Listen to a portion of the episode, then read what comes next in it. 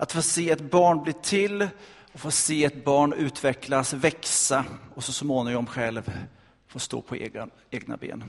Att få vara med i hela utvecklingen, helt fascinerande. Och att vara förälder, det är också slitigt. Man brukar ju säga att när barnen är små så är det små bekymmer och när barnen är större så blir det större bekymmer. När man är liten, när barnen är små så får man inte alltid sova och det är intensivt på det sättet. När barnen blir större så fungerar nattsömnen, då får man väcka liv i dem på morgonen istället. Och så kan bekymren bli större. Men hur som helst så är det fascinerande att vara en pappa och en mamma. Jag ska läsa de sista verserna i Gamla Testamentet, i Malaki. Är det någon som känner någon som heter Malaki? Förutom profeten. Det gör jag. Jag har en kusin som heter Malaki. tycker jag är ganska häftigt faktiskt.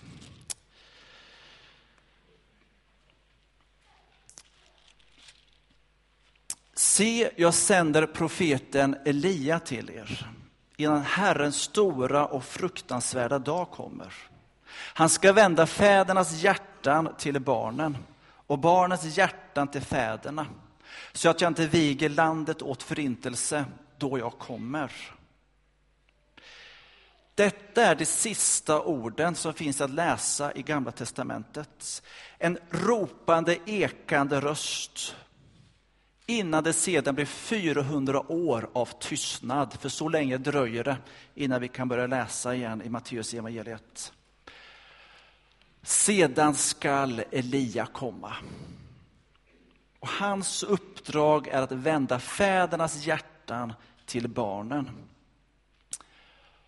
För att bereda plats åt en som är större än han, Messias, han som skulle komma för att ge frälsning. För att inte landet skulle bli vikt åt förintelse. Malaki syftar här på Johannes döparen. Johannes döparen är Nya testamentets motsvarighet till Elia i Gamla testamentet. Jesus säger om Johannes döparen, han är Elia som skall komma. Alltså, han var bärare av samma ande som Elia. Så knyts Gamla testamentet och Nya testamentet ihop. I Lukas 1 så står det talas om Johannes döparens pappa, Sakarias. Han var präst och han tjänade Gud. Vid ett tillfälle när han är i tjänst så kommer en ängel och talar till honom om att han ska få en son. Och det är inte första gången det här sker i Bibelns berättelser, att Gud uppenbarar sig för ett par som inte hade kunnat få barn. För de hade inte kunnat få barn. Dessutom var de till åldern, var de till åldern både Elisabet och Sakarias. Men ängeln talar om att de skulle få en son. Och så står det i Lukas 1, vers 13 och framåt. Och han skall få många i Israel att vända tillbaka till Herren, deras Gud. Och han ska gå före honom, alltså Jesus, med Elias ande och kraft för att vända fädernas hjärtan till deras barn och ge de ohörsamma ett rättfärdigt sinne, så att Herren får ett folk som är berett. Johannes döparen var alltså en profet, en väckelsepredikant. Jesus sa om honom en röst i öknen som ropar. Och han predikade omvändelse och han predikade dop. Och man tror att Johannes döparen döpte tusentals människor. För det kom folk ifrån så stora områden och sökte upp honom. Till vilkas var det här budskapet riktat? Ja, Israels folk i synnerhet. Guds egendomsfolk, Guds eget folk. Det utvalda folket. Enligt första Petrus kapitel 4, vers 17 så börjar domen mot Guds hus. Guds hus, församlingen, alltså vi. Det är vi. Eftersom man skulle vända fädernas hjärtan till barnen så måste det betyda att inte deras hjärtan var vända till barnen. Och han talade om att omvända det olydiga så att det skulle bli ett rättfärdigt folk som Herren har berett. Alltså att lyda Herren är att vända sitt hjärta till barnen. Och här är det först och främst inte till de små barnen som är fyra, fem år, utan det handlar om de andliga barnen, till de som är unga, nya i tron. Och det som är intressant här, det är vilket budskap som han skulle bära fram, Johannes, och det som ängeln säger. Församlingen är Kristi kropp på jorden. Och genom församlingen så ska Gud bli känd. Och vi ska genom församlingen visa vem han är och bereda en väg för människor, för Jesus, in i deras hjärtan. Utan omvändelse kan man inte bli frälst. Det är alltid ett omvändelsens budskap innan Herren kan träda fram. Johannes döparen förkunnade omvändelse, han beredde väg för att Messias skulle komma. Hur skulle han, märk Johannes, omvända den till Herren? Om vi tittar på vers 17 i Lukas evangeliet det första ängeln nämner är inte att han ska börja tala om vad fel det är att stjäla, vad fel det är att ljuga, vad fel det är att skvallra, vad fel det är med fylleri, vad fel det är med homosexualitet. Nej, det var inte det han skulle börja med, utan han skulle vända fädernas hjärtan till deras barn. Ganska anmärkningsvärt att den här texten står i samband med en omvändelseförkunnelse. För det var det han skulle göra, vända fädernas hjärtan till sina barn. Och det står i det här sammanhanget. Normalt sett, den som har varit med, har varit kristen i många år, är en mogen kristen, är en mamma och pappa som har sitt hjärta vänt mot barnen, till dem som är unga och nya i tron. Men det här med mamma och papparollen, det är någonting som man också får jobba med även när man har barn.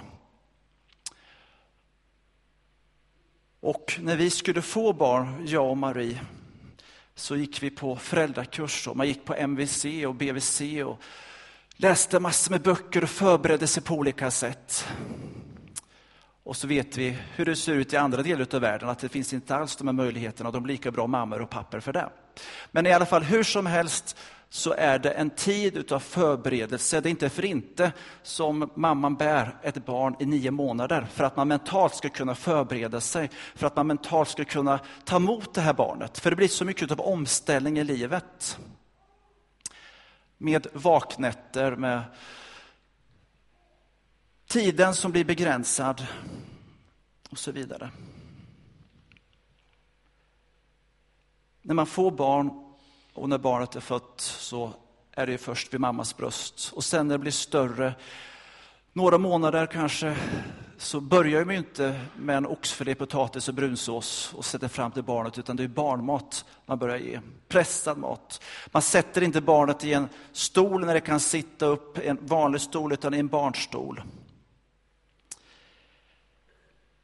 Och mattiderna förändras ju. Det är inte alltid den tid som vi är vana med att äta, utan barnet får mat när det behöver, när det är hungrigt, speciellt i början. Då. Sedan när barnet fortsätter växa så anpassar det sig efter rådande omständigheter på ett annat sätt.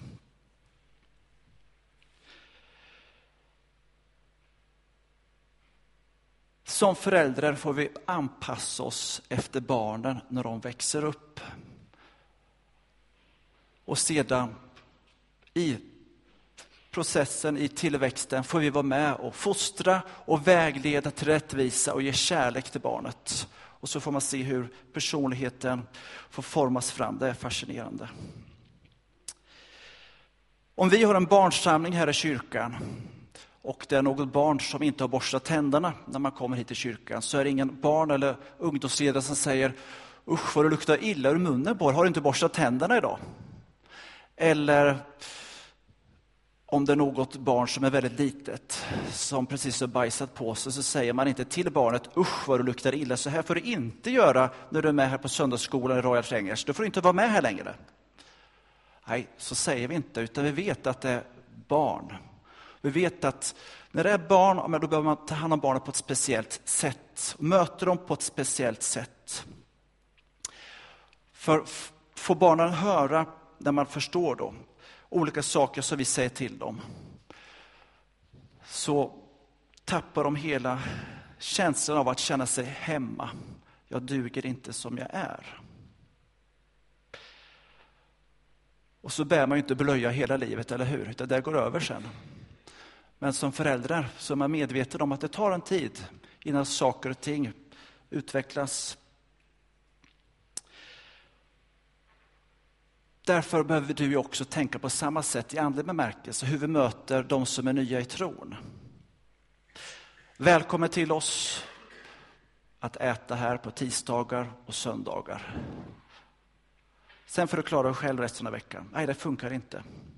Eller varmt välkommen hit, vad roligt att se dig. Nej, nej, men röker du? Aj, aj, aj, aj, aj. Oj, snusar du? Nej, nej, nej, nej. Har du problem med sprit? Nej, nej, nej. Eller är du homosexuell? Nej, men det går inte.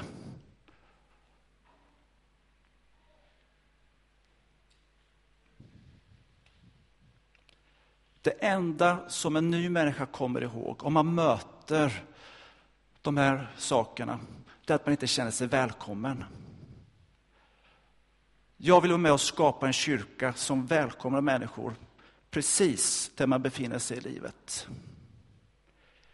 Får man komma till Jesus precis som man är?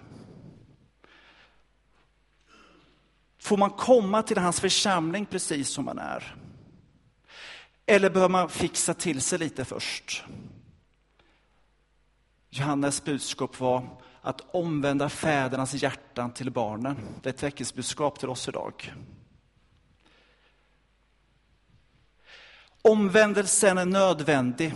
Och den stora skillnaden mot Gamla testamentet i det förbund som vi lever i, Nya testamentet. Förut gavs lagen, ni skall göra detta.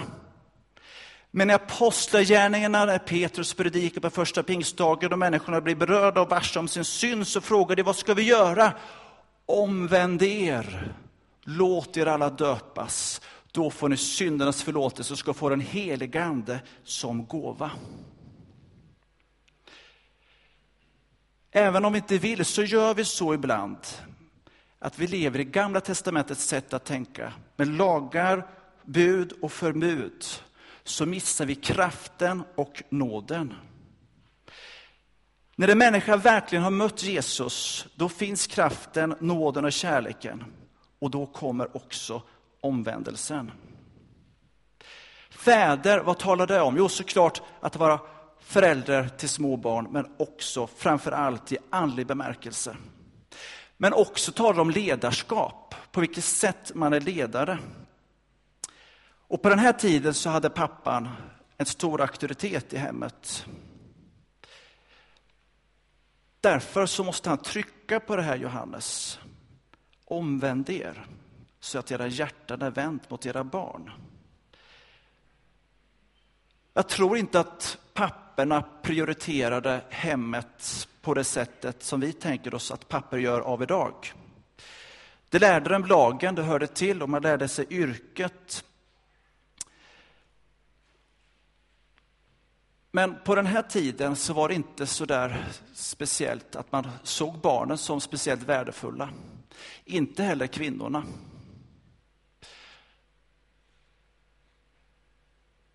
Därför så var det stötande vad Jesus gjorde. Och därför så hindrade lärjungarna barnen från att komma till Jesus när han tog upp dem i famnen. Nej, stör inte mästaren. Det är alldeles för viktigt. Jesus sa, låt barnen komma till mig. Hindra dem inte, för de tillhör riket. Du måste bli som ett barn för att komma in till himlen. Han ställer till och med fram ett barn som ett exempel. Så här är det tänkt att ni ska vara. Det som inte var kutym, det bröt Jesus emot. Och han gav barnen en plats. och det var också ett uttryck för något större. Även i liknelsen, mot den, i, i liknelsen som Jesus har om den förlorade sonen som hade förslösat hela arvet på, på vin, kvinnor och sång. Han hade levt ett liv i synd. Bortvänd ifrån Gud, bortvänd från sin far, bortvänd från ett hem. Han har gjort allt vad man inte ska göra. Och vad gör pappa när han sedan får se sin son komma helt utblottad? Ja, då gör han inte som en far ska göra på den här tiden, gå mot sin son på ett värdigt sätt och upptukta honom och tillrättavisa honom. Nej, vad gör han? Han springer emot och de tar honom i sin famn. Och vad gör den här sonen? Jo, han luktar gris. Och det var det värsta en jude kunde göra, det var att vakta grisar och framförallt äta griskött. Det var orent för en jude och är det fortfarande idag, även för muslimer. Den här pappan bryr sig inte om det. Det är min son.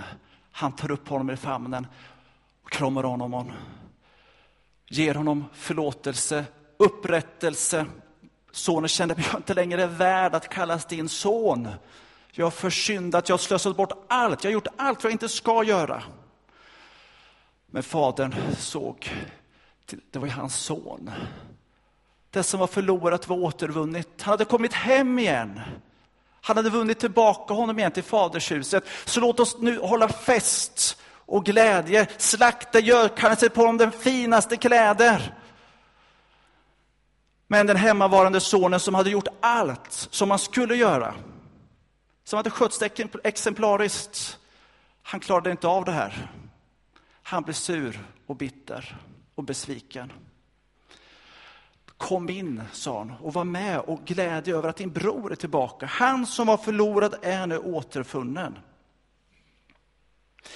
Du och jag, vi måste hjälpas åt att ge barnen, att ge trons barn tid att växa, mogna, att upptäcka själva, att ge dem Guds ord och inte lagar.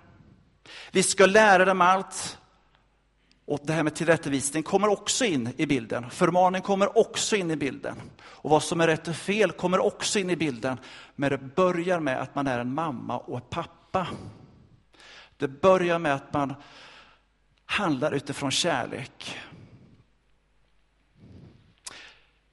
Ju närmare en människa kommer Jesus, desto mer löser saker och ting av sig självt. Det låter väldigt enkelt, men den heliga Ande verkar i en människas hjärta. Vi måste ha förtroende för det. Det här med omvändelsen verkar inte vara något frivilligt, utan det är budskap som vi behöver ta till oss var och en. Om man lever långt borta från Gud eller nära Gud. Omvänd er. Era hjärtan till barnen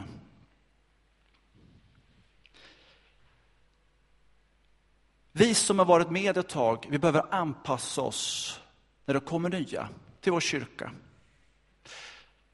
Som förälder behövde vi verkligen anpassa oss. Det kostade mera pengar. Vi behövde köpa prylar, började fixa en barnstol till bilen. Och många var det gånger när jag förberedde predikningar som jag somnade i skrivbordet med pannan rakt ner i skrivbordet. Jag hade ett rött märke flera timmar efteråt Jag kunde sova en, två timmar på skrivbordet. Så vaknar man till. Hjälp, jag har somnat här. Det hände flera gånger, jag var så trött. Alltså det blir en omställning.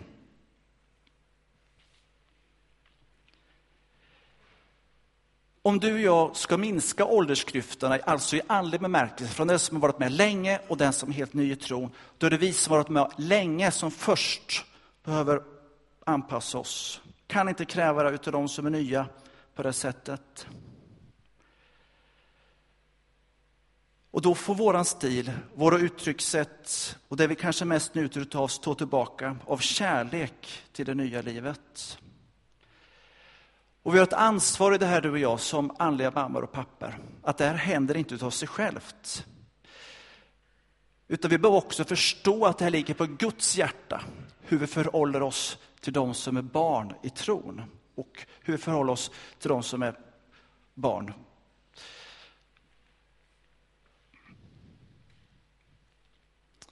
Vad är det som sker då? Ja, då blir det en gränsöverskridande församling. Från de som varit med länge till de som är nya, från de som är unga, från de som är gamla. Och vad händer mer? Jo, då banar vi väg för att Messias ska komma.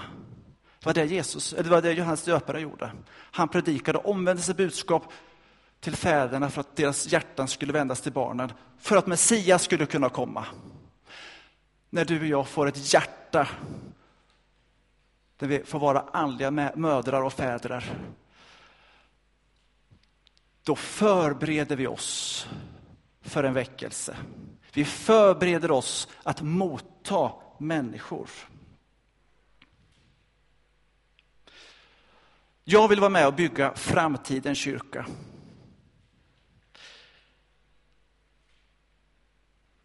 Därför tror jag att det är så viktigt att vi tillsammans, du och jag, att vi är barnvänliga. Både andligt sett, men också om vi tänker på de som är barnen. Att nya människor trivs hos oss. Och då kan vårt invanda ibland få stå tillbaka för det nya, för det omogna. Och vad Johannes talar om, det är fädernas hjärtan. Det är starkt när det står hjärtan, för det är något djupt i oss. Det är inte något yttre, utan det är något som ligger djupt i en människas liv när det talas om hjärtan. Därför så kan vi få be för det, att våra hjärtan får bli fyllt utav faderlighet och moderlighet. Det handlar om kärlek. Den man älskar har man mycket överseende med. Jag ser mina barn göra fel. Men jag älskar dem. Det är fortfarande mina barn. Jag tillrättavisar dem, jag förmanar dem. Men det är alltid mina barn.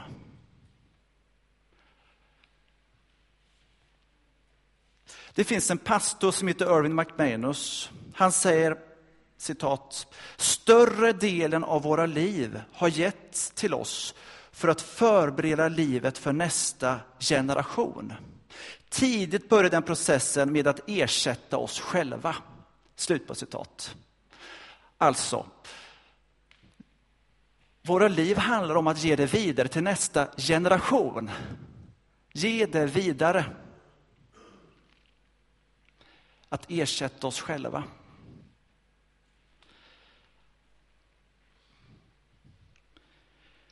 Och du är det bästa exemplet på detta.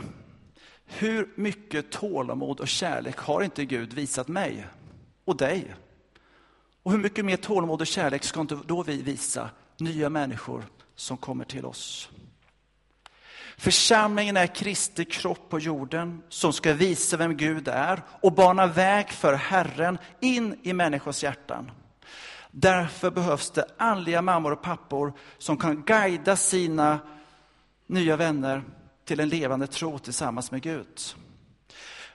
Jag ska läsa från första Korintierbrevet kapitel 4, vers 14.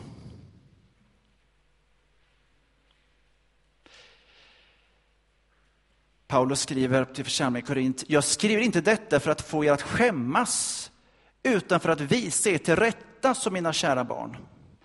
Om ni så skulle ha 10 000 lärare som vill göra er till kristna, har ni ändå inte många fäder. Det var jag som blev far i Kristus Jesus genom evangeliet. Jag ber er, ta mig till föredöme. Och I första Thessalonikerbrevet skriver han, kapitel 2, vers 7.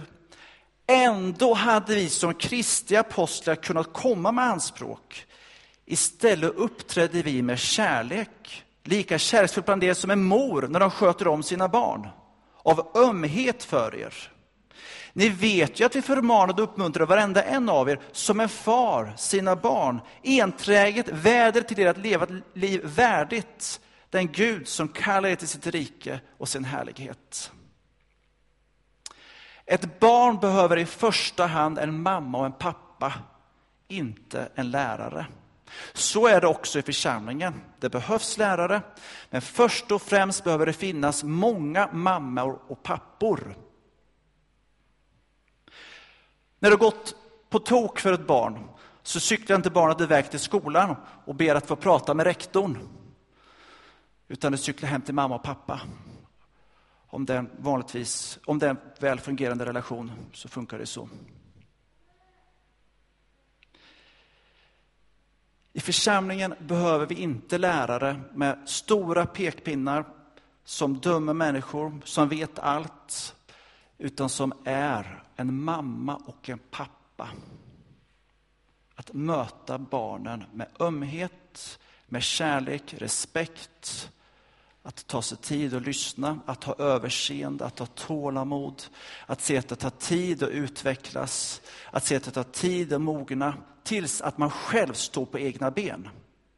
För sedan kommer också tid i allas våra liv med tillrättavisning och förmaningar. Och i ett annat tillfälle säger Paulus till församlingen, nu får det vara slut på detta. Jag kan inte bara hålla på med mjölkmat längre. Med Guds hjälp måste vi gå vidare. Men allt kommer i rätt tid.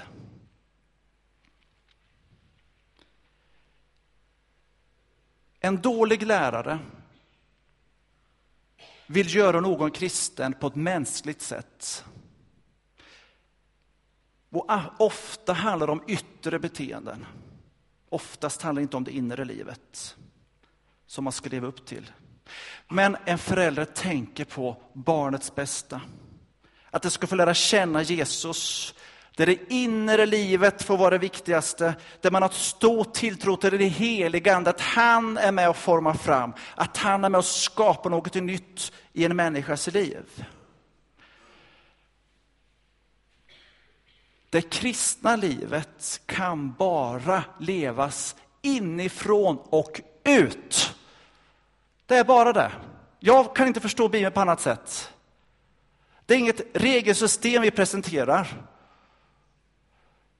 Utan det är Jesus Kristus som frälsare. När vi tar emot honom, när vi döps, så blir vi nya skapelser i honom. Hans ande flyttar in i oss. Han börjar bearbeta mig, han knådar mig, han formar mig. Och i den processen, tillsammans med min mamma och min pappa, så formas jag varje dag och blir mer och mer lik honom. Det är bara utifrån kärlek som vi kan komma till rättavisningar och förmaningar. Annars blir det bara en von oben-attityd. Och då är det bara det man hör som barn. Och då lämnar man gemenskapen. Och går vi tillbaks i, vårt, i vår rörelse, i vårt samfund, men i hela frikyrkligheten i Sverige, tyvärr, det var fantastiskt mycket som skedde förr. Men det här var en sak som vi har en belastning utav. Som gjorde att många människor lämnade. En von oben-attityd. Men alldeles för lik utav moders och faders kärlek. När Guds kärlek blir verksam i våra liv så kommer vi av Gud bli anförtrodda att bli mammor och pappor i andlig bemärkelse. Då kommer det bli nyfödda barn. Och ingen är för ung eller för gammal att få andliga barn.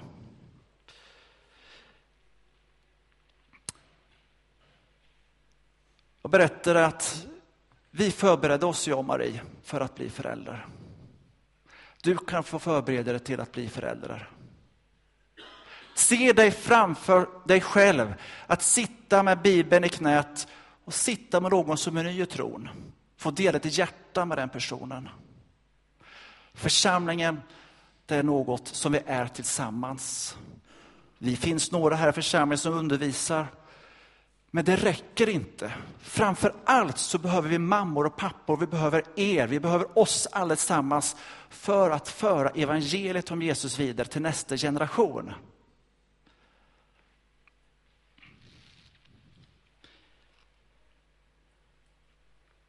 Så dröm därför om att bli föräldrar. Se det framför dig, hur du läser Bibeln om någon människa. Och du har säkert någon som du ber för varje dag, som du vill se komma till tro. Investera i din bön att be för den personen. Jag ska avsluta med att läsa ett bibelord från Efesierbrevet kapitel 2, vers 1-10.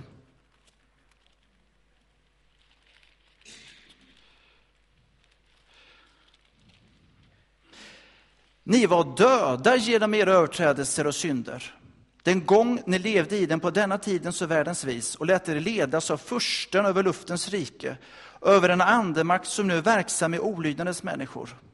Sådana var vi alla en gång, då vi följde våra mänskliga begär och handlade som kroppen och våra egna tankar ville. Och av födseln var vi vredens barn, vi som de andra. Lyssna. Men Gud som är rik på barmhärtighet har älskat oss med så stor kärlek att fast vi var döda genom våra överträdelser har han gjort oss levande tillsammans med Kristus. Av nåden är frälsta och uppväckt oss med honom och gett oss en plats i himlen genom Kristus Jesus. Därmed ville han för kommande tider visa den överväldigande rika nåden i sin godhet mot oss genom Kristus Jesus. Ty av nåden är frälsta genom tron, inte av er själva. Guds gåva är det. Det beror inte på gärningar. Ingen skall kunna berömma sig. Men vi är hans verk, skapade genom Kristus Jesus till att göra de goda gärningar som Gud från, från början har bestämt oss till. Här skriver Paulus till församlingen i Efesos och påminner dem om vad, hade, vad de hade varit och vad de nu var för något. Vi, du och jag behöver ständigt, som varit med länge på vägen, påminna oss om vad vi har varit och vad vi fortfarande är. För att vi ska kunna ha rätt inställning också till nya människor. Hur ser du på din nästa, på din medmänniska? Som ännu ej lärt känna Gud, som lever ett helt annat liv än ett gudfruktigt liv, som är Gud välbehagligt. Hur bemöter du dina medmänniskor? Tror du att Gud har skapat varenda människa till goda gärningar genom Jesus Kristus. Guds ord säger det. Det är syftet med varenda människa. Även om man kan tycka, eller om det är så att man lever långt borta från Gud. Men syftet med varje människa är så. Får andra människor som finns i din närhet en längtan efter att få bli som dig? får andra människor som finns i din närhet en upplevelse av Ja, tänk om jag kunde få smaka eller få uppleva det som han, min vän här, har upplevt. Eller är du, eller har du en dömande, en överlägsen attityd? Så att när någon ser dig utav dina medmänniskor, arbetskamrat, skolkamrat, granne, släkting, åh, oh, nu kommer han igen. Och så känner man hur man bara sjunker ner, hur kass man är. Eller får dina medmänniskor känslan av den och ser dig, åh, jag blir uppskattad, jag är älskad. Vilken skillnad! Tänk på, hur mötte Jesus människorna? Jo, de kände sig sedda, älskade, uppskattade. Du och jag möter dagligen människor och i det mötet så representerar vi alltid, om vi är troende på Jesus, frälsta som vi säger här i kyrkan, då representerar vi Guds rike. Vi är alltså Guds rikes ambassadörer. Den heliga Ande vill forma oss, beröra oss, uppfylla oss, så att när vi ser på våra medmänniskor, att vi först och främst, eller inte börjar med, att se på det som är fel eller påpeka det som behöver rättas till. Utan att vi börjar med att se till människan. Att se det bästa. Du och jag, vi är Kristi sändebud. Som kommer med de glada nyheterna i evangelium. Som handlar om frihet ifrån synd. Som handlar om frihet och glädje i den helige Ande. Gud, han vill hjälpa oss så att vi kan få bli en fader och en moder, så att vi får våra hjärtan vända till barnen, eller till de ännu barn som inte är födda. Vi är nådebudbärare, du och jag, inte lagfarare. Så min bön är, Gud, hjälp mig att bli mer lik dig, mer fylld av din kärlek, så att ditt liv i mig ännu mer kan spira.